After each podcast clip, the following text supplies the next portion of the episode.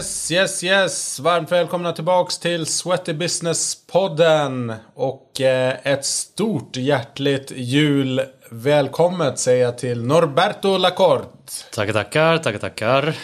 Det är dags för det årliga trendavsnittet. Jag tror vi har kallat det nyårskarameller eh, tidigare. Så att vi får väl fortsätta på det spåret helt enkelt. Vi ska helt enkelt eh, kika tillbaks snabbt på 2023. Vad som har hänt egentligen. Och sen eh, framförallt lägga tyngdpunkten på vad vi ja, tror och spanar lite framåt. Det är ju det vi gör bäst tror jag. ja, sen, om vi har rätt eller inte det är en annan sak. Nej. Det, det, är vad det är. Det är, det är inga liksom predictions utan det är mer spaningar. Så att eh, som vanligt, eh, vissa saker stämmer och allt är inte heller helt fel överallt. Utan eh, det är oftast en mix. Eh, och intressant nog tycker jag också när man ser på trender och sånt där att så fort det finns en trend så finns det alltid en tydlig mottrend. Så att allt vi säger här så kan man garantera att det finns en annan trend som går precis tvärt emot. Så att eh, det är ju också en, eh, en faktor här, den polariserade världen. Så är det. Vi lever i en värld som är mer och mer svart eller vit liksom. Yes. Eh, det har kommit till lite lyssnare eh, under hösten och året här. Eh, så att för er som inte har koll så var det faktiskt just den här duon som drog igång den här podden för ett antal år sedan. Ja, våren 2017, Workout Åre, spelade vi in våra första gästavsnitt i alla fall. Så ja, det är Norberto som är en av fäderna till Sweaty Business-podden och har eh, förekommit i den lite till och från genom åren i ett antal trendavsnitt som vi gjorde eh, tidigare också. Så att eh, in och scrolla bak i flödet av ja, 140 avsnitt har det blivit innan oj, det här. Så, och jäklar! Ja, många timmars snack. ja, det kan man säga. Det är ju också väldigt många år när, man, när du tar upp det på det sättet. Så. Ja. Nej, men exakt. Och sen en annan sak. Den enda konstanten som har varit, det är nästan att jag har kört den här podden. Sen har det varit lite, du var med och sen har du gått ur. Och sen mm. har du med och sen har du gått ur. Och nu är du ju på ett nytt ställe. Kan du berätta lite grann vad du gör idag sen någon månad tillbaka? Sen någon månad tillbaka så jobbar jag som marknadsansvarig på Motion Fitness. Ett eh, företag som sitter med sitt huvudkontor i Norrköping. De är från Norrköping och eh, eh säljer träningsutrustning. Mm. Härligt, mm. härligt. Så um, ja, shoutout till Andreas och Anna och gänget Precis. på Motion och Fitness. Eh, och säljarna där, Jan och Daniel som jag ser är aktiva likare och kommenterare på ja. inläggen som vi gör. Så det är bra. Ja, de gillar dig. De gillar Sweaty Business och det du har åstadkommit. Så det är shoutout till dig också. Ja, tack, tack, tack. Du, um, Innan vi går in på framtiden så tänkte jag att vi kikar tillbaks på året eh, som gick. Um, om jag bara får inleda lite grann. Eh, vi, vi, vi kommer rama in det här tillbakablicken med ett par rubriker. Eh, årets någonting och sen får du och jag liksom spontant slänga ur oss vad vi tänker på eh, mm. inom respektive område. Ehm, men vad kan man säga generellt då om året som har varit? Om man liksom tar träningsmarknaden så har det varit eh, en tydlig liksom, fokus tycker jag. Eh, generellt sett från alla håll, leverantörshåll och från operatörssidan att liksom få ordning på grejerna efter pandemin. Ehm, hämta ikapp eh, ja, förlorade medlemmar och sådär. Och sen händer det ju väldigt mycket på marknaden. Det är, mycket aktivitet både på leverantörs och operatörssidan i termer av liksom uppköp, fusioner, eh, konkurser också. Mm. Eh, så det är också utmanande för, eh, för många att eh, ja, många enskilda gym blir uppköpta eller försvinner från marknaden och det blir ytterligare eh, konsolidering. Större kedjor och det känns som att de kommer växa sig allt större även framåt. Och kollar man internationellt sett, typ Basic Fit och liknande, McFit. Eh, de har ju liksom enorma framtidsambitioner på väldigt många anläggningar framåt. Mm. och eh, vi har ju starka kedjor som är stora, också ur ett europeiskt perspektiv här. Det har vi, stora. Har du någon annan sån här allmän penseldrag under året som har gått? Alltså, jag har ju varit aktiv inom, inom mer butik, fitness, crossfitbox. Eh, hållet nu i nästan ett år. Och eh, det är samma sak där, det har varit väldigt mycket damage control. Och se okej okay, hur, hur har vi, vi påverkas av pandemin? Hur kommer vi påverkas framåt? Vad kan vi göra för att eh, faktiskt man börjar prata mer och mer lönsamhet inom, inom det segmentet, vilket är, är vettigt och, och, bra tycker jag. Eh, så att mycket mer snack om eh, affärer mm. tycker jag det här året än vad det någonsin varit tidigare. Verkligen. Nej, business, uh, business uh, att bli mer professionella, som, det, det tror jag är väldigt generellt. Liksom, mm. att börja räkna på allting. Uh, hur lönsamt är PT-verksamhet? Hur många kvadratmeter behöver vi mm. egentligen? Mm, liksom, och så vidare och så vidare. Eh, vilket får mig lite osökt in på liksom, framtidstrender. Men eh, jag tror så här, data som kommer användas. Det har snackats mycket om data, att vi samlar data. Men jag tror att vi kommer få se en helt annan praktisk användning av data på olika sätt för att ta mer underbyggda beslut än liksom de här gut feeling att man har jobbat 20 år med en sak och vet hur det ska vara och hur det funkar. Mm, absolut. Eh, det tror inte jag kommer flyga på samma sätt framåt faktiskt. Nej, alltså tittar man på data idag så till exempel en av de grejerna som man pratar väldigt mycket om, eller mycket om, man är ju sin bubbla så att för mig är det mycket i och med att jag har hört det en hel del, men det är just det du pratar om. Eh, antalet kvadratmeter man använder som är faktiskt aktiva inom situationstecken. Mm. Eh, behöver man ha så stora omklädningsrum exempelvis, eller behöver man ha omklädningsrum överhuvudtaget? Och det ser man eh, ganska mycket trender från USA nu, att många som öppnar inte ens har några omklädningsrum alls. Utan mm. de riktar sig mot människor som kommer dit tidigt på morgonen, sen sticker till jobbet och duschar eller sent på kvällen och sen så drar hem och duschar för de märker ändå att det är väldigt få som använder omklädningsrummen. Mm. Nej men verkligen. Så att det, det vore intressant att se liksom. Mäta hur många av medlemmarna på ens anläggningar, anläggning som använder eh, duschutrymmena. Eh, så kanske, eh, kanske är rimligt att tänka om där. Eh, men vi hade ju pandemin. Vi hoppade rätt in i liksom energikris. Vi hamnar in i liksom Ukraina-krig. Eh, inflationshåvetet rullar på eh, ett tag till framöver. Och vi har liksom ett eh, helvete faktiskt i Israel, eh, Gaza. Där nere också som börjar liksom smitta av sig rejält i liksom den regionen generellt sett. Mm. Liksom, så att eh, det liksom bubblar och det är så enormt stora grejer som bara avlöser varandra. Det är liksom inte ett break på två år utan det är så här, okej okay, vi går från en jättetuff grej till någonting annat skittufft till ett tredje skittufft. Så att man undrar ju lite vad vad ska hela den här soppan leda upp till? Om man tittar så här stora krig tidigare så har det varit ganska mycket sådana här stora händelser som tillsammans har aggregerat till att det liksom har brakat loss ordentligt sen. Mm. Så att man får ju hoppas verkligen att det kan eh, stanna upp någonstans. Eh, men ja, jag är orolig. Mänskligheten eh, gjorde inte så bra ifrån sig 2023 så mycket kan vi konstatera i alla fall. Nej, för fan. Alright, men vi, vi drar in i mm, årets och vi börjar med årets trend. Jag säger eh, machokulturen tillbaka. Eh, och macho, det är inte heller längre liksom miljonärer utan det är biljonärer, miljardärer som det heter på svenska. Som ska synas mycket på, på olika sociala medier. Och eh, gå tillbaka till att ta tillbaka eh, manligheten på något sätt. Och det är ju det här vi snackar om, polarisering i samhället. Att det, idag är det väldigt mycket antingen eller, det finns ingen mellanting.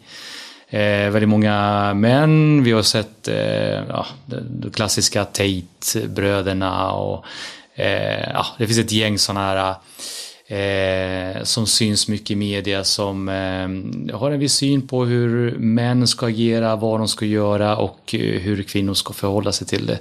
Vilket jag känner, eh, ja, jag ska inte lägga min egen, min egen uppfattning i det, men det, det har jag sett en, en ökning av i alla fall. Mm. Och det hänger väldigt, väldigt mycket ihop med att dessa eh, män tränar jävligt mycket. Och vi, vi, kommer faktiskt in på det. Vi kommer faktiskt in på det senare sen att en del utav att vara man idag är just mycket muskler och mycket eh, kampsport sport och liksom, det hänger ihop med snabba, schyssta, dyra bilar och dyra klockor och dyra hus. Mm. Flytta till Dubai. Hela den grejen. Det har jag sett otroligt mycket av. Så att eh, om det inte är en, en liksom fullkomlig eh, bara en träningstrend så är det ju någonting som ändå liksom träningen är en del av det. Det har varit eh, väldigt mycket så här ska du träna eh, och se ut om du är en man. Liksom. Mm. Nej, jag, jag håller med. Jävligt spännande spaning och jag, jag ser den eh, också. Liksom att eh, jag vet inte om man säger då. Mannen har trängts, blivit undanträngd ryggen mot, ryggen mot väggen. Ja, och så... vissa då känner att ah, men nu helvete måste vi ta tillbaks. Vi har liksom tappat eh, vad vi är för någonting. Hela den här hen grejen liksom att nej, vi ska liksom på något sätt tillbaka fast i en 3.0 version av urtids, liksom alfamannen mm. eh, i en ny version och amplifierad av sociala medier och ja, som du säger då, enormt mycket pengar med tanke på hur mycket pengar vissa, vissa besitter. Eller att folk som aspirerar till den livsstilen mm. också beter sig som de liksom åker typ till Dubai och liknande och, och härjar. Så ja, jag, jag ser den. Eh, för min del, eh, årets trend eh, generellt sett styrketräningen har fullkomligt exploderat. Det kanske inte är exakt just det här året för det är det aldrig sällan men det, det har växt och växt och nu ser liksom att eh, styrketräning som fenomen dels klassiskt vad man tänker liksom styrketräning i gym men också styrketräning i grupp och styrketräningskoncept ute på gymgolvet. Liksom att det är liksom inte Cardio har, eh, ja faktiskt på bekostnad av cardio mycket. Att eh, mm. cardio, jag ser att cardioparkerna Eh, användaren på, på löpband eh, går ner när man kollar i så studier på vad som används på, på gymmen och eh, liksom friviktsavdelningarna fullkomligt exploderar. Så att eh, mycket spännande att se och det ser ju också att gymmen bygger om. De alltså, som har byggt om i en annan stil för en liten annan tid. Liksom mm. downsizar vissa områden, kanske cardio eller kanske maskinparker. Eh, och mycket mer gymyta för att liksom kunna friviktsträna på olika sätt och ha klasser ute i gymmen. Mm. Vilket kopplar också till de här kvadratmeterfrågorna. Att okej, okay, då kanske inte är lika intressant för alla att ha en gruppträningssal. Cykelsalarna definitivt under slakt. Eh, just nu kanske flyttar ut fyra cyklar och liksom försöker göra någon, någon annan grej ute på, på ytan. Precis. Det hänger ihop lite grann. Allt det här vi kommit upp idag tror jag vad det gäller eh, liksom årets eh, olika saker så hänger ihop lite grann. Mm. Det är ju bodybuildingen är tillbaka kan man säga.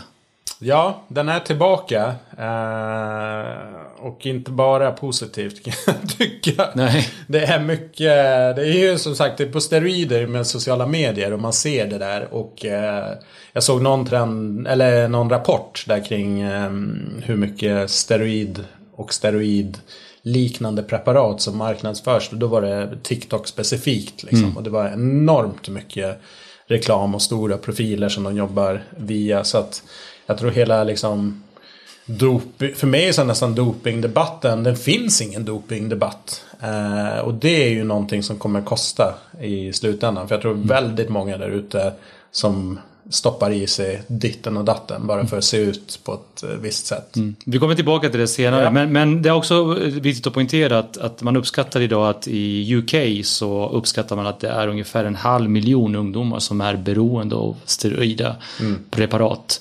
Eh, så att det, det, är en sjuk eh, utveckling. Men vi kommer tillbaka till det. Yes, och årets pryl den var inte lätt alltså.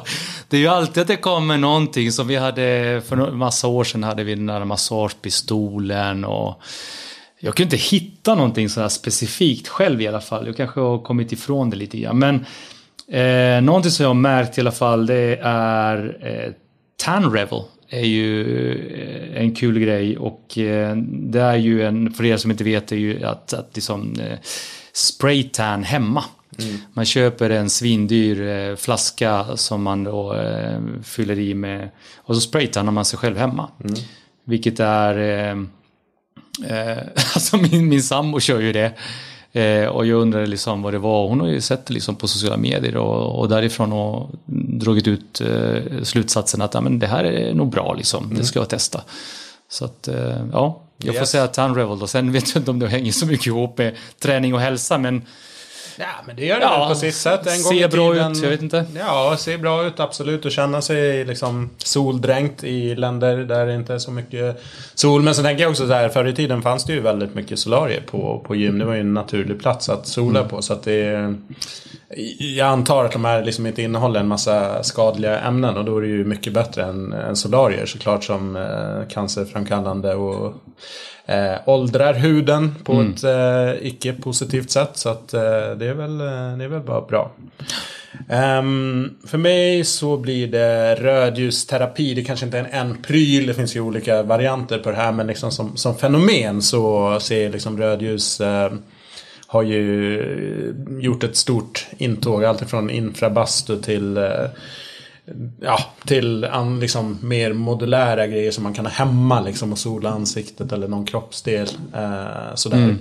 Så um, ja, ser bland annat Hagabadet som har satsat, som brukar ligga i framkant på nya grejer. De satsar ju på någon sån här longevity avdelning. Liksom med olika livsförbättrande eh, produkter. Kryo, de har rödljusterapi och, och sånt där. Um, så det är en stor trend. Fan, det måste vi prova. Mm. Vi, vi måste prova det. Ja, men jag tycker det är så här. Man läser på så här om ja, men rödljusterapi, liksom infrarött ljus och rött ljus. Det är någon slags skillnad. Den ena går djupt och den andra. Och de gör lite, för det blir lite så här luddigt liksom. Men sen känner jag bara, ja, visst får det folk att känna sig bättre. Eh, så är väl det, bara det en, en, en vinst i sig. Mm. Eh, men sen blir det alltid lite så här, ibland tycker jag det är lite så här flummiga beskrivningar på vad de egentligen gör för någonting. Pseudovetenskap. Men alltså, ja, så länge, så länge man inte liksom hävdar saker som inte stämmer rent vetenskapligt så kan man liksom mm. gå med på att ja, men om du mår bra av det så kör det liksom. Lite grann som, eh, det har ju varit en otrolig debatt länge om, om kalla bad och sådana mm. saker. Och det skulle man ju också kunna ta som årets pryl kanske att eh, de här små bassängerna. Men det har ju varit länge känns det som, ja. så att det är inget nytt. Liksom. Yes, ja men bra. Vi går vidare till årets bluff. Ni som inte har hängt med men alltså Liver King. På riktigt. Alltså den killen. Mm. Han, eh, och för er som inte hänger med Liver King. Det är en snubbe som eh, tog upp det här med primalt leverne till, till en helt annan nivå och gjorde YouTube och TikTok-filmer och på Instagram också. Det här käkade rå lever och han påstod att kroppen han hade fått det han hade fått genom att träna hårt och käka rå lever och testiklar och njurar som han inte tillagade och så. så. Man, man, kan se honom då käka de här leverbitarna direkt i, i, liksom på YouTube och sådär. Eh, sen så visade det sig mycket riktigt att först så stoppade han, eh, ja, först så förnekade han att han, eh, han tog några förbjudna preparat. Men sen så blev han då avslöjad för att han, han råkade skicka ett mail till en annan stor youtuber och frågade om råd vilka preparat han skulle ta. Vilket då, jag tror att det var så här, jag, jag, jag tror att jag minns det helt rätt. Vilket var att ja, den här då, eh, andra youtuber, eh, ja, eh, avslöjade honom helt enkelt. Okej, okay, en golare alltså. Så att, ja det var ju, jag vet inte om det var just liksom det här året eller om det var någonting gammalt, men han tyckte liksom att man ska inte hävda att man är eh, naturell om man inte är det. För att, eh, så att Ja, nej, men Liver King är en jävla King. bluff alltså. Ja, men gå in på Liver Kings Instagram och så kan ni bara fundera.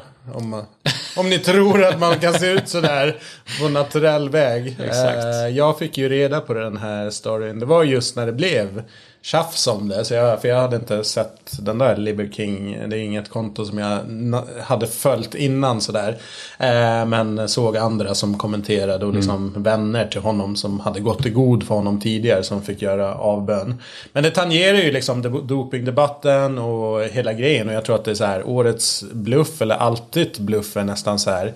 Instagram-influencers inom fitness. Tror jag mm. väldigt mycket som man kan sätta bluffstämpel över. Så här byggde jag den här rumpan, så här kom jag i form.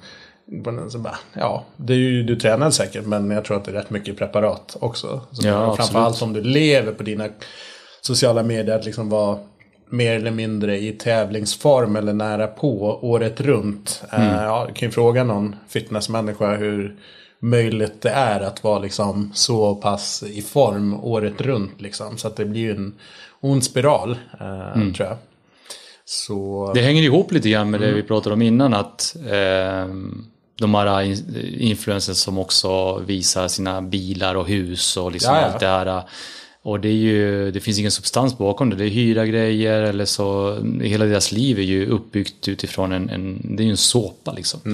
Nej men det är, det är hittepå. Eh, Det var ju i England så gjorde de ju, för det finns ju flera konton i engelska konton som promotar just den här liksom Rolls Rolls, Rolls eh, livsstilen. Och så kollade man, jag kommer inte ihåg, det var någon av eh, SVT, alltså Sveriges Radio, någon dokumentär där, där man hade grävt i flera av de här ganska stora kontona. Eh, vem som låg bakom och liksom för att det var så här folk anmälde ja, men den personen är inte så där rik och sådär. Och i många fall var det liksom folk, vanliga människor som man har liksom anlitat och byggt upp en, en livsstil kring. Liksom där de åker på betalda resor, har låne, extremt dyra lånebilar och sånt där. Att det driver försäljning utav prylar. Liksom. Så att vad tar vi med oss från den här, det här snacket det är att eh, vara jävligt kritiska när, när eh, ni tittar på. Alla tjatar om det men, men det tål att upprepas igen alltså. Mm, nej, det, så är det. Um, ja, men min bluff är... Um, ja, men det är just det här perfekta. Uh, att det börjar liksom, och jag kommer komma in det på en av mina trender framåt också. Liksom att folk har tröttnat på det här super perfekta. Man inser att det, det funkar inte. 05.30, gör sin morgonmeditation. Eh, säger hur tacksam man är för allt man har. Skriver ner sina mål för dagen. Äter sin superperfekta liksom oatmeal, whatever, gröt. Liksom. Overnight. Ja, läser sina, scannar av mailen så att man har det avklarat och sen går man och väcker frun och, eller sambon, partnern och barnen och hjälper dem igång och sen skjutsar man dem till skolan och sen har man en headstart på alla andra liksom. Bara, jo, kanske kan hända en gång om året. Sen ska man ju, man ska ju träna direkt efter Ja, också, ja, ja. sitt andra träningspass. Ja, ja, absolut, absolut. Så att eh, den här hittar på eh, grejen. Men återigen så här, stora målgruppen i sociala medier är fasen, det är unga, väldigt unga liksom. Och de är inte, de har ju inte byggt upp eh, en förmåga att kunna vara så kritiska. De ser och sådär och även skrämmande nog många vuxna som bara oh jag såg det där. Ja, jag vet. Mm. Så, så det funkar ju eh, som, en, eh, som en yta men eh, inte när man skrapar eh, bakom det. Så det, för mig är det årets bluff och alltid en bluff det här liksom perfekta. Det finns liksom ingenting perfekt. Men som sagt det blir en cliffhanger till en spaning framåt. Bra där. Okej, sista tillbakablicken på året är eh, årets snackis. Bara för att gå tillbaka till det vi har snackat, snackat om förut. Jag personligen tycker att årets snackigt har varit, eh, i alla fall i sociala medier vad jag har kunnat se och höra, är eh, steroider. Alltså överlag. Det är att det har blivit normaliserat på något sätt. Vi har ju alla de här som går på typ tävlingar och frågar folk rakt ut, eller på gymmet, bara du, är du naturlig eller tar du grejer? Och i så fall vad har du för cykel när du tar dem och vad tar du för grejer? Det är som att det har blivit okej att säga att man inte är, är eh, naturell liksom. Ehm, så att eh, årets snackis tar jag med mig, det i alla fall, inom träningsbranschen. Eh, även om det är kanske är en liten del av träningsbranschen, men eh, stor nog för att synas mycket i sociala kanaler. Mm. Ja, men även om den är liten, alltså de här påverkar ju. Många av dem har ju Mm. otroligt många följare. Och även liksom som, som, är- som är mindre, som kanske har 25 000 följare. Det är ändå 25 000 konton som Mm. följer dem och tar del. Det räcker med att några av dem liksom blir influerade och liksom Mm. tar sig till en, en dålig livsstil. Och, ja, nej, men det känns lite så här 70, 80, ja kanske 80-talet liksom. Tillbaka Mm. med liksom ryssfem. Alltså den... Ja, fast på den tiden var det ju ingen som ohämmade- erkände. Utan det var ju alla, alla visste om att det på, Ja, föregick, Alla men ingen... men- Nu idag så är det ju istället att man erkänner och Ja. man pratar om liksom vad man tar och hur man tar Mm. det och att det till och med man får en känsla om att de tycker att men det är inget farligt om man gör så här för jag Nej, vet vad jag håller jag på har med. Liksom. Precis, jag har koll. Och jag önskade att det var så att det var de här mindre kontona. Men alltså det här är ju folk som har miljontals subscribers på, Mm. på YouTube och sådär. Så att, eh, nej men det förvånar mig. Det förvånar mig som fan att liksom man är helt orädd om att liksom prata om, om sådana här saker. Och Mm. tyvärr så, så har det påverkat en hel generation. Ja, Som nej men exakt. Och mår sen, dåligt på grund av det. Men om man zoomar ut då och tar samhällsnivå så här. För mig eh, som, som är småbarnsförälder nu, yngsta är ju fyra och äldsta är snart, eh, fyller tio i nästa år då. Ehm, och så nu, ja men när man börjar liksom återgå till att ibland vara på lite fester och grejer. Alltså den förskjutningen i tolerans och acceptans kring att folk tar droger kontra tidigare. Där liksom det var väldigt sällsynt. Man hörde kanske att någon höll på eller misstänkte. Till att nej, jag har varit på fester där liksom halva gänget springer på toaletten. Och det kommer någon taxibil med, med leverans. Ja. Så eh, jag tror hela den grejen också blivit så otroligt avdramatiserad. Att men det är inget konstigheter och, och, och det är inte bara rökare utan det är tyngre grejer. Liksom, som, som helt plötsligt är så här, nej men det är det folk pysslar med. Och sen kan man ju fundera hur hänger det tillsammans med liksom gäng, gängkriminalitet och liksom ekonomin som finns kring det där när gemene man eh, poppar i sig det där liksom. Allting handlar om snabba cash i slutändan. Nej, men alltså, och, och det hänger ihop med, ja, men, jag vet inte, det är väl, det är väl man ska inte bli för politisk, men eh, mer liberalt och mer polariserat samhälle. Ja, kan ett samhälle bli för liberalt? Kanske. Ja, kanske, det är en annan podd. Ja. Um, all Du då? right. Jag har ehm, Lifestyle Medicine. Ett, Mm. eh, och i det här fallet så är det då fetma-medicinerna.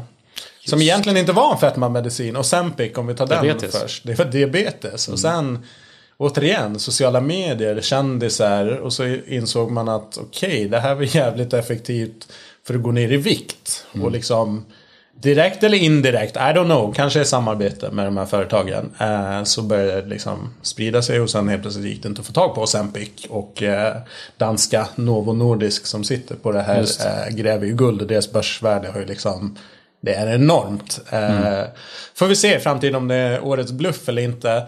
Eh, Men hur som helst, det är ju någonting som, som vi kommer få förhålla oss till. Och de eh, verkar ju väldigt potenta och det kommer ju andra. eh, Och har kommit andra liksom som är mer kanske specifikt framtagen just för fetma.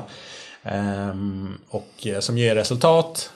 Så att vi får väl se. Det är ju väldigt early days liksom vad baksidorna är utav det här. Det kommit lite studier så här.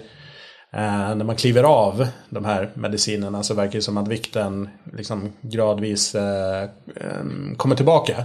Eh, man lägger på sig igen. Eh, man har gjort studier. Eh, tyngre hälsosnack med Jakob Gudiol och gänget där pratade om det här innan jul precis. Där, ja, drygt två år då projicerar man att om man, ett gäng fick, de gick på de här medicinerna och sen eh, tog de bort dem. Hälften fick placebo och hälften fick medicinen. Eh, och de som fick placebo gick stadigt upp och på ett år så hade de fått tillbaka 50% av eh, övervikten och då om de följer projektionen så på ett, två år så är de tillbaka på ursprungsvikten. Så att det blir ju liksom intressant att se, är det här någonting som är Hållbart, kan man dosera det på ett annat sätt så att man kan hålla det, hålla det stadigt. Eh, biverkningar, absolut. Eh, mag och tarmbesvär, hudproblem. Så att det liksom inte... Folk vill ha det här magiska Ja, det är pillret. klart. Får fortsätta käka eh, mycket kakor och choklad och ändå, ändå hålla vikten. Det Så jag tänkte, ta med, det här är ett ämne för framtiden. Min take på det här det är ju de här kroniskt sjuka som är liksom, det finns inget botemedel. Det är inte bara ut och springa och ät bättre. Absolut, jag tror att det kommer hjälpa många. eh, men det jag är orolig för är just att det hamnar på sociala medier och det hamnar hos folk Ja, som absolut inte ska knapra de här grejerna för att reglera vikten. Utan de ska ha en livsstil som är hållbar och som funkar. Så det är där jag har mitt stora liksom, problem med Mm. det här. Att folk som inte är sjuka, kroniskt sjuka, kom, tar till sig det här och ser till att få det utskrivet, pressar läkarna och sådär som, som verkar villiga att skriva ut det. Eh, Mycket pengar i det såklart. Spot on. Sista årets snackis för din del där. Absolut.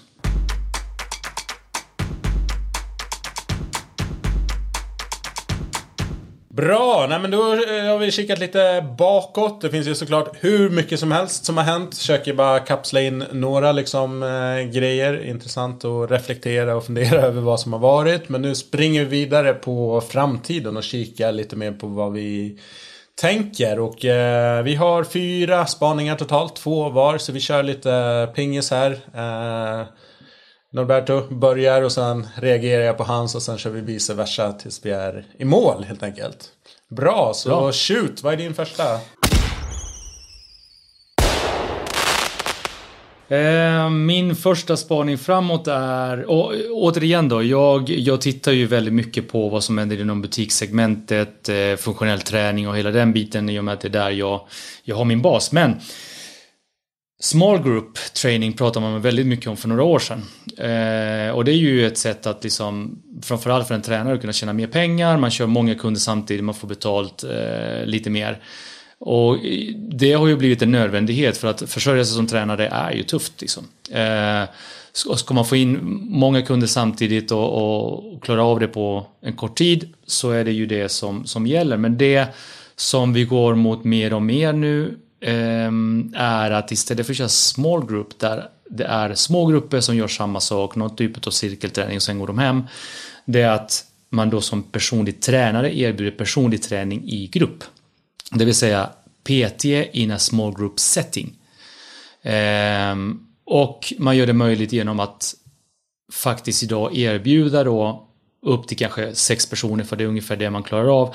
Men att alla behöver inte göra samma sak utan- alla har sin egen eh, programmering som de följer. Eh, sen kräver det förstås att man gör en grundarbete innan de kommer, de kommer dit. Men eh, det är en grej som jag tror kommer att växa. Och för att då kan man ju ha tre kunder samtidigt, fyra kunder samtidigt, beroende på lite grann på vilken typ av tränare man är. Och eh, det kan man tycka, ah, men vadå, det, då är det ju inte personlig träning. Eh, jo, det är det. För att du får ju faktiskt en personlig tränare som sätter upp din träning utifrån dina egna eh, förutsättningar och din, ja, behov och mål du har framåt. Eh, så att det blir ett lite annat sätt att tänka på för, för PTs framåt. Helt plötsligt så ser man sig liksom Oj, är jag grupptränare eller är jag PT? Nej, du är fortfarande ett PT men du ska kunna köra flera kunder samtidigt. Framförallt om du vill tjäna mer pengar. Spännande, spännande. Ehm, är det här något som är liksom i praktiken eh, som används? där ute? Absolut, det finns ju, det, det finns ju en, ehm, ett nätverk, ett affärsnätverk som du också känner till inom, inom Crossfit framförallt som, som heter Two Brain Business. Och eh, dit bjuder man in då väldigt många olika, eh, vad ska man säga, eh, leaders inom sina respektive områden och, och de åker runt på boxar och butikfitnessställen, PT-studios runt om i, i framförallt i USA, England men också ute i världen. Ehm, och tittar hela tiden på okej, vad finns det för olika sätt att skapa en ännu större lönsamhet för de här olika gymmen. För att i slutändan så är det så här att du har ett tak på så många medlemmar som du kan ta in. Eh, ska man följa inflationen så måste man ständigt fortsätta att höja priserna. Eh, vilket då inte många vill göra. Hur kan vi då se till att få lönsamhet på annat sätt? Eh, alltså öka intäkterna per varje individ som tränar. Men också alltså, problemet är att ja, men hur får du tränare att stanna och kan ge dem tillräckligt mycket betalt? Ehm, och det, en, det kan ju tyckas då, men det, det här marknadsför man idag som en win-win för att kunderna betalar lite mindre än för en liksom individuell timme med en personlig tränare. Men eh, tränaren i sig kan tillgodose sig eh, pengarna från alla dessa tre, fyra, fem vad det nu, hur många det blir. Så att eh, det, det blir mer och mer eh, en spridning i alla fall i USA och jag har kunnat se framåt. Mm. Ja, men de brukar ju ligga eh, några mm. år före kring det här. Eh, eller kring alla liksom, områden generellt sett. Eh, ja, men jättespännande och logiskt liksom. Jag undrar liksom så här. Är PTn som vi har sett eh, tidigare en, en hållbar affärsmodell?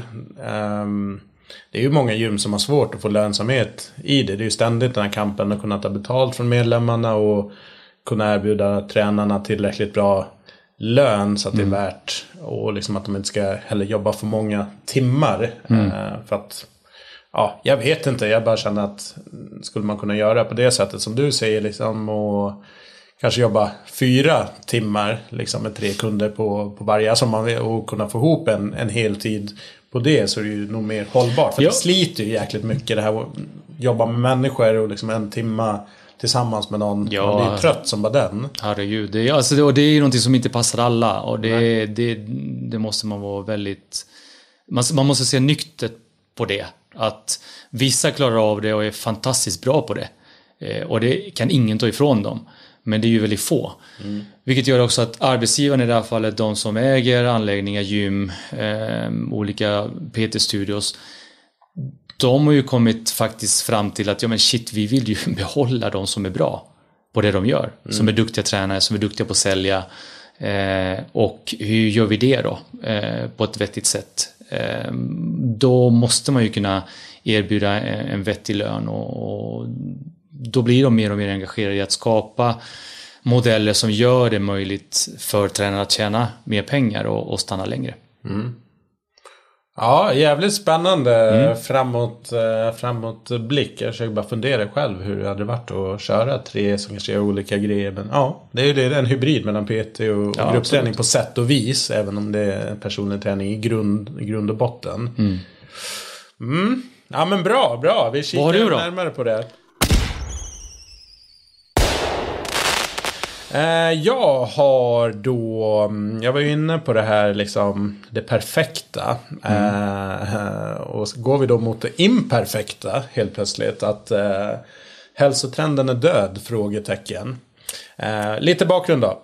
Ehm, eh, att man kan se så här ganska mycket som tyder på att liksom vi har gått från det är clean eating, det är liksom en viss stil man ska bete sig. Det är smoothies mm. och det är liksom raw food. Det ska vara rent. Det ska vara liksom så här gör det för att leva hälsosamt. Vi har eh, Gwyneth Paltrow som, som har gjort en förmögenhet på, mm. inom det här. Liksom. Det är snigelkrämer för 6000 spänn. Burken ja. liksom. Det är, det är allt. Det är allt.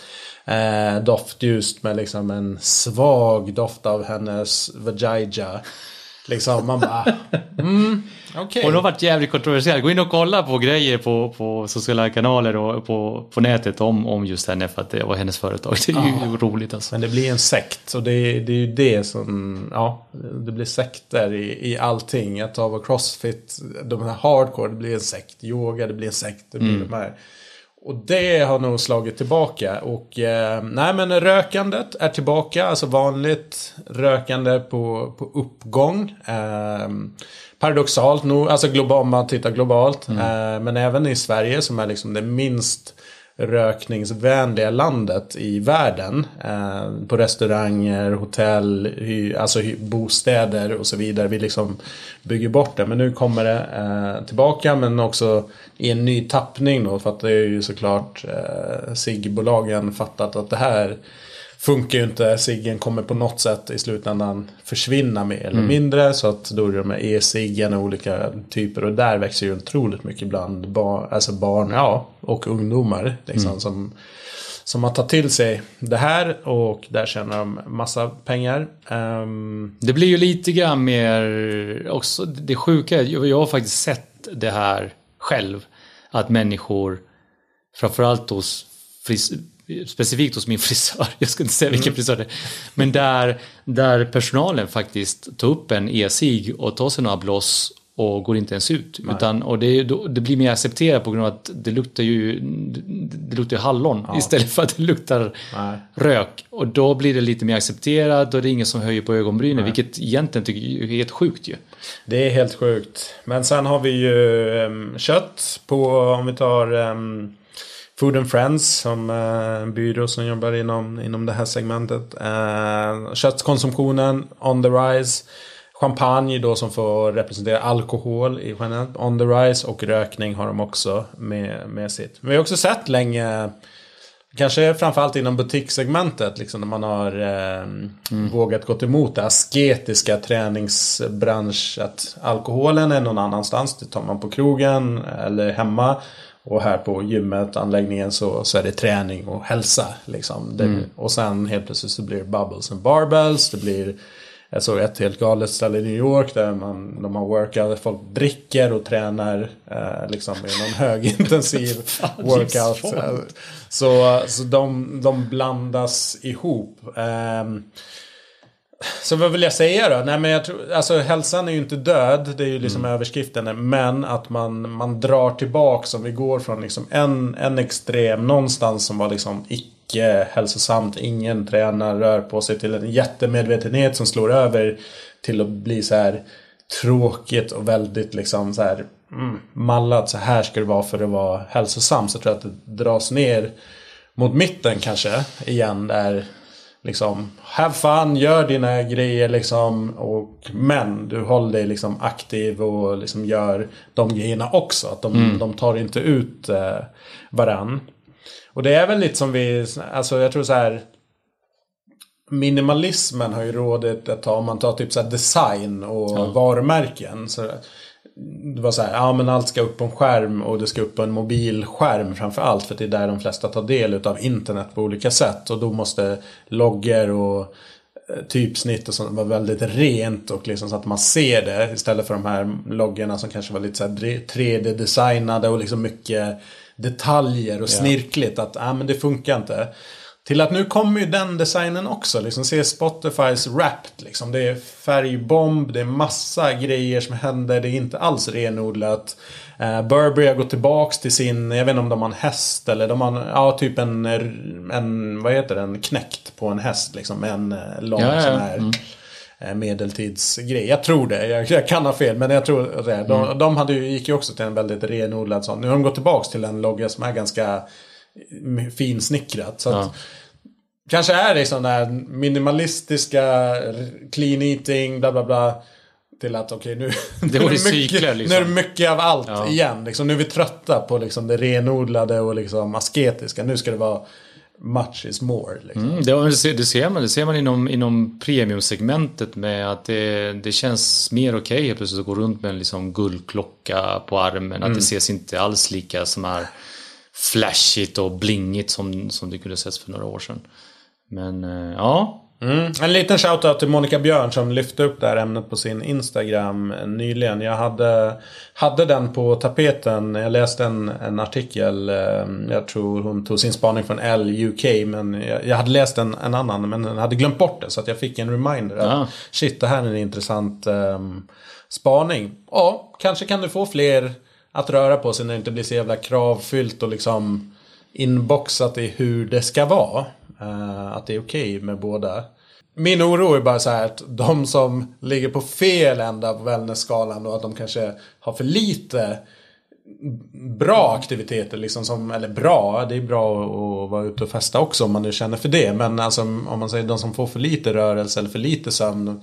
Att de kanske tänker, oh, nice, här kan jag bara blåsa ja, på ännu mer. Så mm. de hamnar ännu mer i liksom i, i, på den dåliga, i dåliga vanor helt enkelt. För mycket, för att ingenting är ju bra. För mycket av det renodlade eller för mycket av skitmaten. Det är, ingen av dem är ju optimal på, på lång sikt. Mm. Det som jag ser som ett problem det är ju att de som kanske skulle behöva röra på sig mer. Alltså, I och med att du idag kan omringa dig med det du vill omringa dig med. Det vill säga allt du ser i olika kanaler. Men du, lika mycket som du kan göra det så kan du också avskärma dig från det som du inte vill se. Mm. Vilket gör att det blir ju inte på samma sätt som det var förut att du såg varningstecknen, varningssignalerna från, från en, en antagonist Nej. någonstans. Utan idag kan du faktiskt bara leva i din lilla bubbla och, och där, om du mår gott i den så, eller inte mår gott i den, men du får fortsätta att göra det du gör. Liksom. Mm.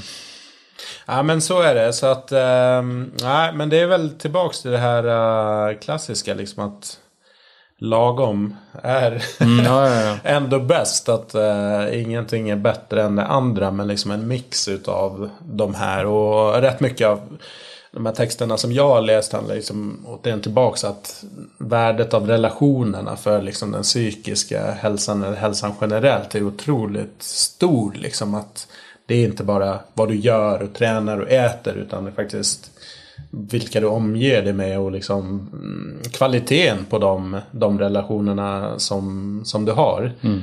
Um, och vi är ju, ett, om man tar Sverige då, väldigt liksom ytterligheternas land på ganska mycket grejer. Jag nämnde lagom innan. Jag tror folk lever kvar med liksom ett svenskt lagom där. Men, men vi är ju vi är ju liksom i ytterkant på så här singelshushåll, individualistiska skalan.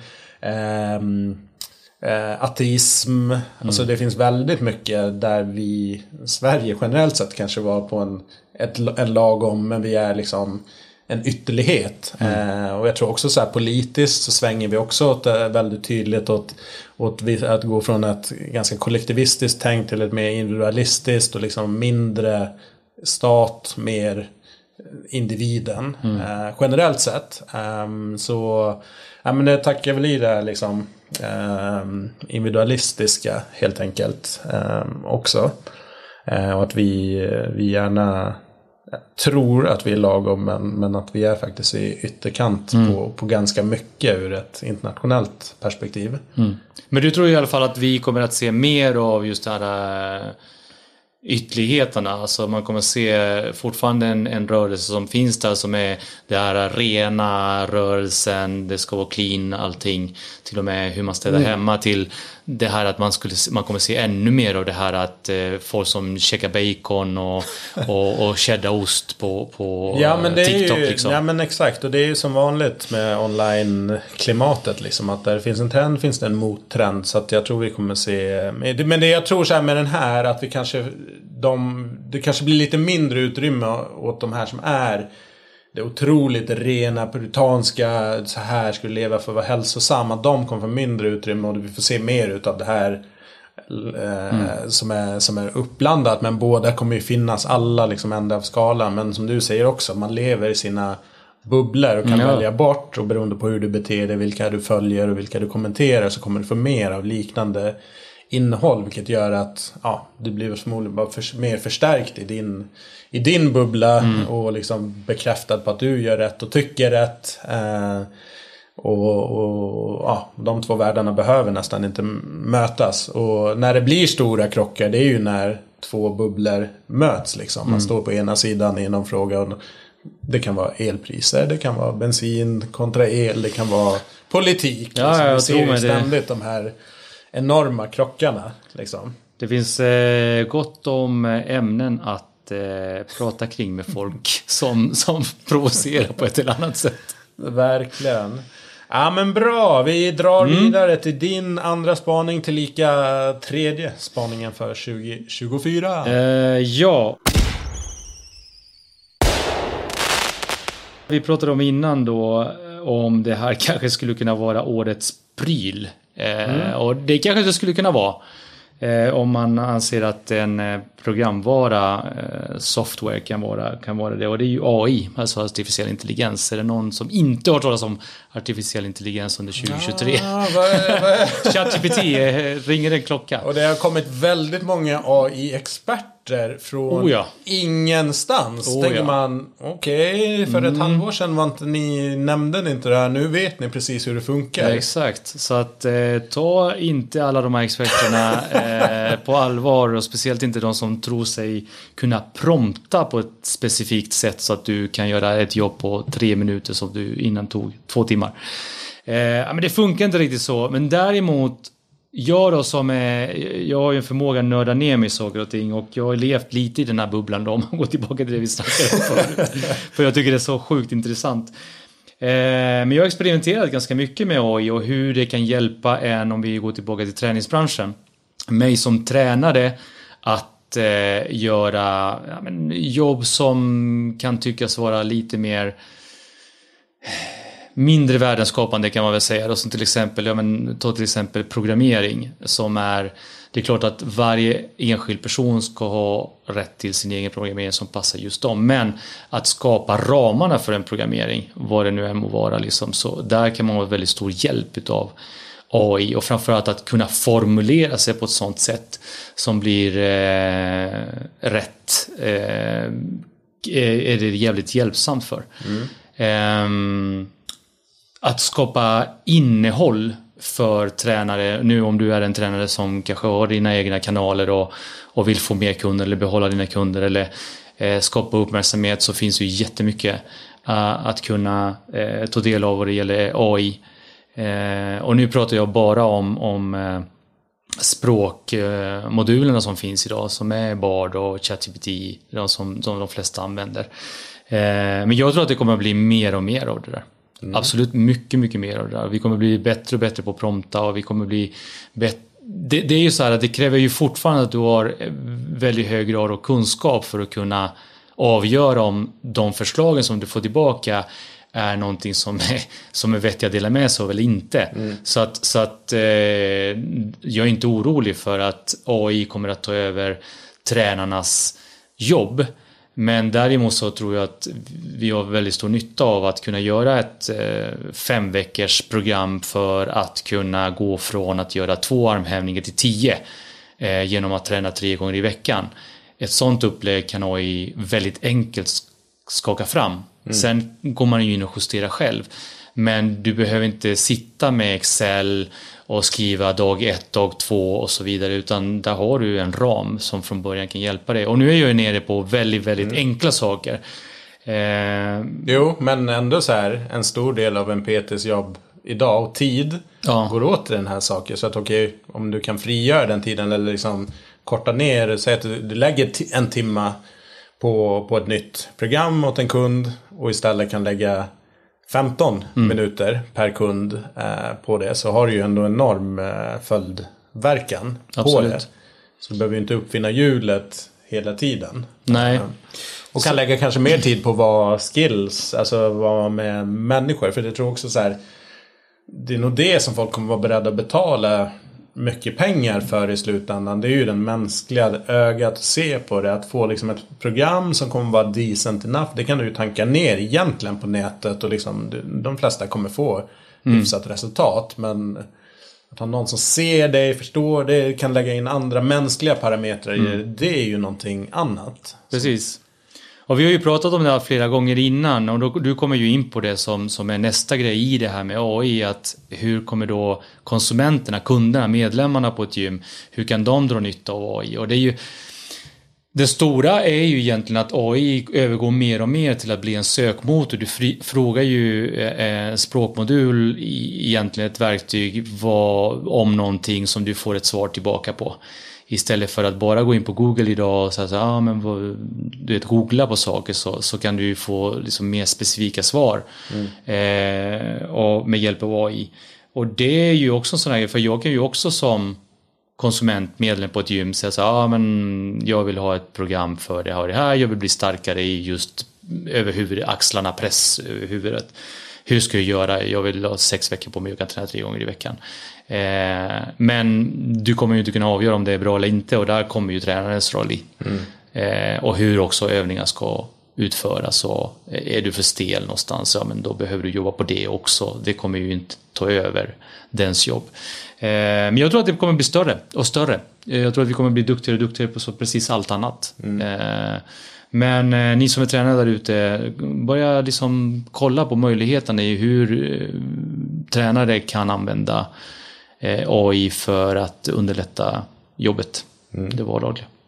Jag tänkte så här, en praktisk applikation för gymägare, liksom operatören. Så här, varför skulle inte varenda liksom, medlem som blir, eller alla som är medlemmar eller blir medlemmar, skulle egentligen i princip med regelbundna intervall kunna få ett uppdaterat individuellt program. Mm. Eh, jag tänker att det kanske inte slår igenom för att då är man rädd att det slår mot PT-verksamheten. Uh, men jag tänker ändå att Ja, kanske till viss del marginal PT-kunderna men ändå att det kommer finnas tillräckligt många som behöver hjälp eller faktiskt kanske kommer upptäcka att oh, det här var svårt och det kan jag inte mm. och det var med i programmet.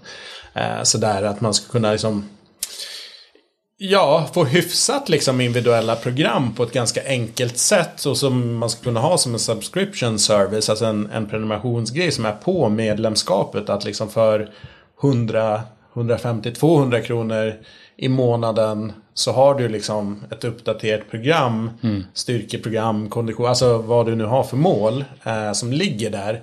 Och då är frågan om du får x antal hundra medlemmar. Alla kommer ju inte behöva det här. Många går kanske på gruppträning och sådär. Men å andra sidan kanske några på gruppträning behöver styrkeprogram också. Mm. Um, att du har ett antal hundra som tickar x antal kronor per månad kontra liksom hela den här kampen för att få in klienter till PT-erna. Dels tiden och marknadsförare liksom bla bla bla.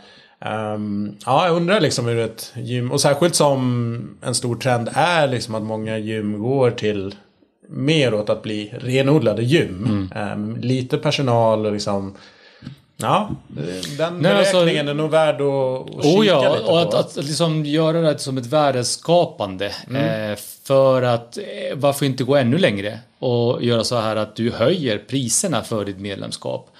Med 150 spänn i månaden ja. för varje medlem. Men du skapar så sjukt mycket mer värde. För då är det legit för dig att faktiskt göra det. För att mm. då har du liksom ändå gett någonting som är väldigt värdefullt för, för väldigt många, inte alla kanske, men Nej. väldigt många av dina, dina medlemmar. Så att eh, AI, alla har kört, många har köttat sönder om det, men jag tror att det kommer bli mer och mer på så många olika plan inom träningsbranschen mm. så att vi inte anar. Eh, inte så att jag tror att eh, Elon Musks robot kommer att stå och träna folk eh, inom någon snar framtid. Men jag tror att allt annat bakom kulisserna eh, kommer att kunna drivas mer och mer av, mm. med hjälp av artificiell intelligens. Jag såg eh, Sats eh, kampanj för ja, den här perioden som ligger ute nu. Mm. Eh, och då är det en månad fritt, träna fritt i januari egentligen. Och, och så 12 månaders bindning, det är som ganska traditionellt upplägg. Men sen såg jag underskriften som en slags payoff till kampanjen. Vårt mål är att du ska uppfylla dina nyårsmål.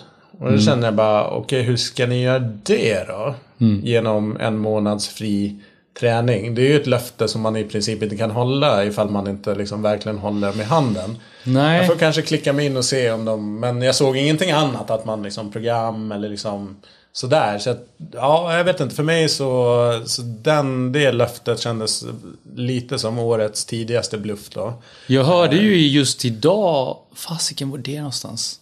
nu minns inte jag exakt vad det var, men de pratade just om hur långt, eh, hur länge folk håller sina nyårslöften. Mm. 66 dagar i snitt ja. orkar folk eh, hålla sina nyårslöften, vilket jag tyckte var liksom, oh, det var ju lång, länge. Ja. Ja, det skulle jag verkligen säga. Förvånansvärt. Men, men, men, ändå, då, då har man ju inte liksom nått hela vägen fram. Ja. Mm. Dubbla budskap kan man, kan man mm. tycka. Men eh, ja, det, det, är nog en väg fram till att Sats kan lova att de kommer hjälpa alla medlemmar att nå sina, sina nyårsmål. Precis. vad, vad har du för yes, sista vi avslutar då? Eh, och då är det flexibilitet.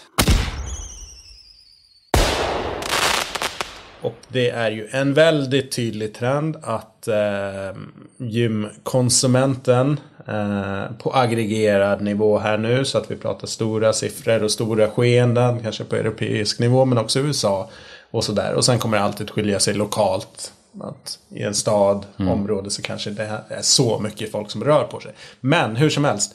Um, man ser att de här aggregatorerna, alltså typ Bruce, ClassPass och liknande som är digitala medlemstjänster där man har access till x antal liksom, träningsformer och aktiviteter via ett medlemskap. Så att man är egentligen medlem hos aggregatorn och sen har man access till, mm. till olika operatörer och sen finns det en, en intäktsdelning på, liksom, baserat på besök som jag förstår. Liksom om en Bruce-medlem till exempel besöker ett visst ställe så har de en viss liksom ersättning. Lite som Spotify. Varje spelning eh, så tillfaller det till skivbolag och till artist och så vidare. Så vidare. Eh, 43% eh, av gymmen i Europa 2022 eh, då samarbetade med en, en minst en aggregator. Wow. Eh, jag tror för 2023 så kommer den ha ökat och definitivt för 2024. Så att de är ju definitivt inne i, i den här världen. Vi har nyligen Bruce eh, som gick ut med att de eh, har tecknat avtal med STC så att alla Bruce-medlemmar har access till alla STC-gym i Sverige, över 200 stycken. Vilket är en, eh, skulle jag säga, en breakthrough. Jag har inte sett gymkedjorna samarbeta och jag har förstått att de är ganska anti det här på ganska mm. goda grunder. Att eh, vilja liksom äga medlemmen själv. Så att det blir ju jäkligt intressant liksom när en av de största kedjorna går in i ett sånt här samarbete. Vad innebär det och hur har man räknat och tänkt eh, bakom det här för att det ska ja, ja, fram. Jag får så många frågor. så Sen ska man ju ha klart för sig att eh, Bruce och STC har samma investerare då, Novax. Ja, så att det sitter ju en, en part som liksom har båda de här eh, aktörerna i sin, i sin korg. Eh, så kanske makes sense ur ett investerarperspektiv. Sådär. Men eh, vad tänker du kring gym? Eh, mm. En gymkedja, kliva in på det här. Jag vet inte, alltså jag har väldigt, eh, ja, hur, huruvida det skulle vara bra eller dåligt vet jag inte. Nej, det, det, har, det, har, det har jag inga, inga synpunkter på. Jag, det enda jag tänker så här, men vad finns det för marginaler kvar för gymmen och vad finns det för marginaler kvar för Bruce? Och, Eh, det är så mycket frågor som dyker upp i min skalle. Så här, eh, hur kommer det sig att inte gymmen i det här fallet och kedjorna kan locka den här målgruppen som Bruce har? Är det för att de är kassa på, på att eh, rikta sig mot den specifika målgruppen, att de inte når dem? Eh, är Bruce så mycket bättre på det? Det, det är så mycket frågor som dyker upp i, i, i mitt huvud kring det. Um, ja, alltså varför inte? Jag, vet, jag känner jättemånga som, som inte vill binda sig till en specifik eh, kedja eller specifikt gym. De vill träna olika saker när det passar dem, när de tycker det, liksom, de får, det faller dem in. Och jag känner ju flera stycken som har dubbla eller trippla medlemskap på olika ställen. Eh, det är ju få förunnat för det är ju de som har råd som, som har möjlighet att göra det. Eh, men jag tycker att jag visste faktiskt de här siffrorna som du drog upp med över 40% på europeisk nivå på 2022 visste jag inte om och det låter ju som jävligt mycket. Mm. Så att uppenbarligen så är det ju så här att de behöver ju varandra men frågan är bara var någonstans tjänar man pengarna? Det är ju det, för det, det bygger ju ändå någonstans på en volymprodukt när det är en lågmarginalprodukt liksom. Ja, nej onekligen är det så. Och Bruce har väl inte visat upp några plussiffror sen, ja de blödde ju ordentligt under pandemin i och med att alla studios, ja. eller många studios eh, drabbades hårt. Såklart och hade dåligt med besök mm. eller tillfälligt stängde igen. Eh, och STC har ju investerat också mycket i liksom förvärv och, och sådär. Så att de är ju också Eh, resultatmässigt minus två år på raken här. Så att ja, det återstår väl att se liksom. Jag kan ju verkligen se det ur Bruce-medlemmens perspektiv. Få 215 liksom bra gym eh, mm. till på sitt medlemskap. Nu vet jag inte liksom, de har ju lite olika nivåer på sitt medlemskap. Jag antar att man behöver ligga på en viss nivå för att få access till de här. Men du nämnde ju det här med vissa kanske två, tre medlemskap. Säg att du har ett gym för 500, du har en studio för ja. x kronor och du kanske har någonting ytterligare. Så vissa kanske är uppe i 2000 spänn i månaden. Om det då kan, jag vet inte vad Bruce liksom högsta nivå men 800-900 spänn skulle jag gissa någonstans eh, det är där. Billigt ändå. Ja. Då blir ju ändå för en sån person som har tre andra ja. medel så, blir det ju en, en stor win. Bara, men fan, då kan jag bara köra mm. här. Så, men, för, eh, fördelen, förlåt, men fördelen att, att jobba med en sån stor kedja kanske eh, är ju då att man har möjlighet att erbjuda mer till sina medlemmar. Alltså Bruce i det här fallet då har möjlighet att erbjuda mer. För att någonstans så måste det ändå finnas en begränsning för jag vill gå på det, just det gymmet, det specifika passet och finns inte det och det är ständigt upptaget så finns det ju lite mer att välja mm. på liksom. Men gym är ju någonstans, alltså generellt så är det ju liksom ett utrymme med utrustning som man hyr ut till människor för att komma dit och nyttja under en viss tid och sen gå hem. Mm. Eh, generellt. Så att, så att det finns ju ett behov av gymmen också, se till att få dit andra människor som inte mm. kanske skulle komma dit annars. Nej, och då förstår jag det helt. Om det är liksom en som man okej okay, de, här, de här vill ha det på ett visst sätt. Och de, de kommer vi aldrig få in på att bli medlemmar enbart hos oss. Eh, och då, då blir det medlemmar som vi liksom inte hade fått annars. Mm. Och då blir det en intäkt så att det är värt att, värt att göra det. Vi får se.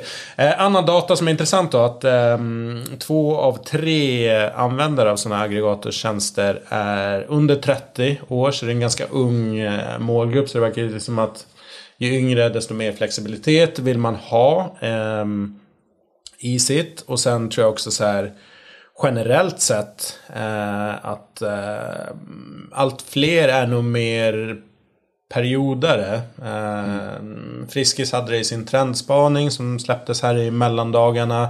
Där de pratade om just en ny typ av perioder och inte en periodare kanske som går in och ut ur fitness och liksom är borta ett halvår. Utan att man är in och ut i olika aktiviteter istället. Så att man kanske tränar gym traditionellt under en viss period. Sen går man med bootcamp inför sommaren och sen kör man löpning. Så att man liksom av den anledningen vill ha en flexibilitet. Att nej, men jag kommer inte träna gym, jag kommer inte träna gruppträning året runt. Så då vill jag liksom bara kunna röra mig fritt mm. mellan de olika grejerna som, jag, som faller in eller som passar in i min, min livsstil för tillfället. Eh, så att det, det taggar nog in i, i det här. Och sen om man kollar Paul, Paul Bedford, the retention guru, som har mm. gjort en massa studier liksom, på gym och medlemskap och hur medlemmar beter sig. Och då efter pandemin så är det väldigt tydligt att medlems Medlemmarnas livslängd har sjunkit rätt drastiskt. 5 till 7 eh, månader i snitt kortare är man eh, medlem. Eh, så att från kanske strax över två år så är man nere på liksom ja, ett och ett halvt år. Mm. Eh, ish, vilket betyder att du har mycket mindre tid som du kan räkna med en intäkt från en medlem. Så att då får du ligga på ännu mer för att få in nya medlemmar eller liksom öka intäkterna. Two brain business-tänket liksom att hur kan du öka intäkten på varje medlem, liksom maximera den ja, när, när den är medlem. Och det handlar jävligt mycket om, du och jag pratade innan vi började spela in om just det här med, okej okay, men om en aggregator har en kund och en medlem där och börjar träna, i det här fallet om vi tar exemplet STC, vi har ju pratat också inom branschen så många år om det här med lojalitet. Det, det pratar man ju om i alla branscher. Hur skapar vi lojala kunder? Vem är den kunden lojal till? Till Bruce eller till STC? Förväntar sig STC att den kunden som kommer in via Bruce då ska bli lojal STC förhoppningsvis och, och teckna ett medlemskap där? Det är ju en jäkligt intressant fråga mm. utifrån den aspekten också. Ja, jag tänker ju operatörs... Som sagt, det kan ju vara positivt om det, liksom, om det är medlemmar som man inte hade fått annars. Eh, däremot är det inte positivt, hävdar jag då, som om man tar till polska marknaden där aggregatorerna i princip har tagit över gymmarknaden och i, i faktiskt i en hel del fall köpt upp stora gymkedjor. Så att de har liksom både sina aggregator plus att de har köpt upp sina kunder då egentligen. Mm. Eh, som är platserna där folk eh, tränar. Så att, eh, och då, mm, ja men, ja man vill ju nog äga sin kund bas i så stor utsträckning som möjligt. Men det blir intressant då om STC går in i det här som ändå en hyfsat stor eh, gymkedja. Kommer fler att följa och hur kommer det se ut då? Mm. Mm. Fortsättning följer. Ja, spännande, spännande tid framåt. Nej, men om man vill lyssna mer. Eh, vi hade ju Josef Bexell. Det blir avsnittet innan Josef Bexell som är eh, ja, ansvarig för Novaks investeringar inom eh, preventiv hälsa. Bland annat investerat i STC och Bruce. Han var i avsnittet innan och sen i somras så var ju Peter Andersson som är VD för Bruce. Han var med i podden. Och sen någon månad in, dessförinnan så var ju Anders Karlbark som är VD på STC med i podden. Ja. Eh, där tog vi inte upp någonting av det här för då var inte den här nyheten uppe. Men när jag tänker tillbaka på de samtalen så pratade de lite kring det här eh, i lite olika termer. Så vill man grotta ner sig lite mer där så kan man ju gå tillbaka till de avsnitten i alla fall. In och lyssna. In och lyssna. Bra, nu är jag helt muntorr och eh, slut i skallen. Ja. Ja, men som vanligt, jäkligt kul att snacka med dig och det fanns ju en massa annat som vi hade kunnat prata. Jag, vad jag tar med mig är att allt hänger ihop på ett eller annat sätt och framförallt att fitness inte är någon ensam oas utan det är liksom det som händer i stort i samhället. Det, här, det blir en spegling utav det fast på, i den här lilla ankdammen. Definitivt, definitivt. Det som hänger stort i, i, i världen till och med påverkar ju hur vi ser på vår egen fysiska aktivitet. Mm. Bra, ja, men med det så får vi tacka så mycket för lyssningen här. Lite strax över en timma. Men vi hoppas eh, och tror eh, att ni ändå kommer uppskatta de här eh, initierade um, framtidspredictions uh, på något sätt. Jag hoppas det, annars får de kommentera så får vi skärpa oss. Ja men, fasen, ja men det, absolut, jag vill verkligen uppmana. In och kommentera Instagram, LinkedIn på Sweaty Business uh, kanaler. Era tankar, det är vad vi snackade om, om ni fastnade för någonting speciellt eller om det är någon annan trend sådär som ni ser eller spaning, take som ni har. Uh, vore jäkligt intressant att få in dem och få igång lite dialog i eh, kommentarsfältet. Verkligen. Bra, stort tack Norberto. Gott nytt. Gott nytt.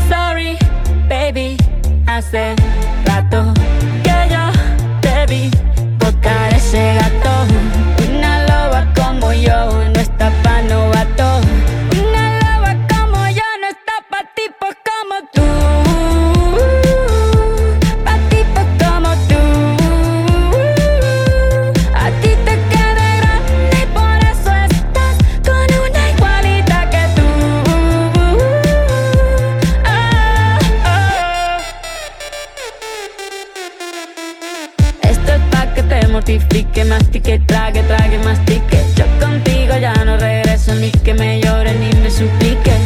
Entendí que no es culpa mía que te critique.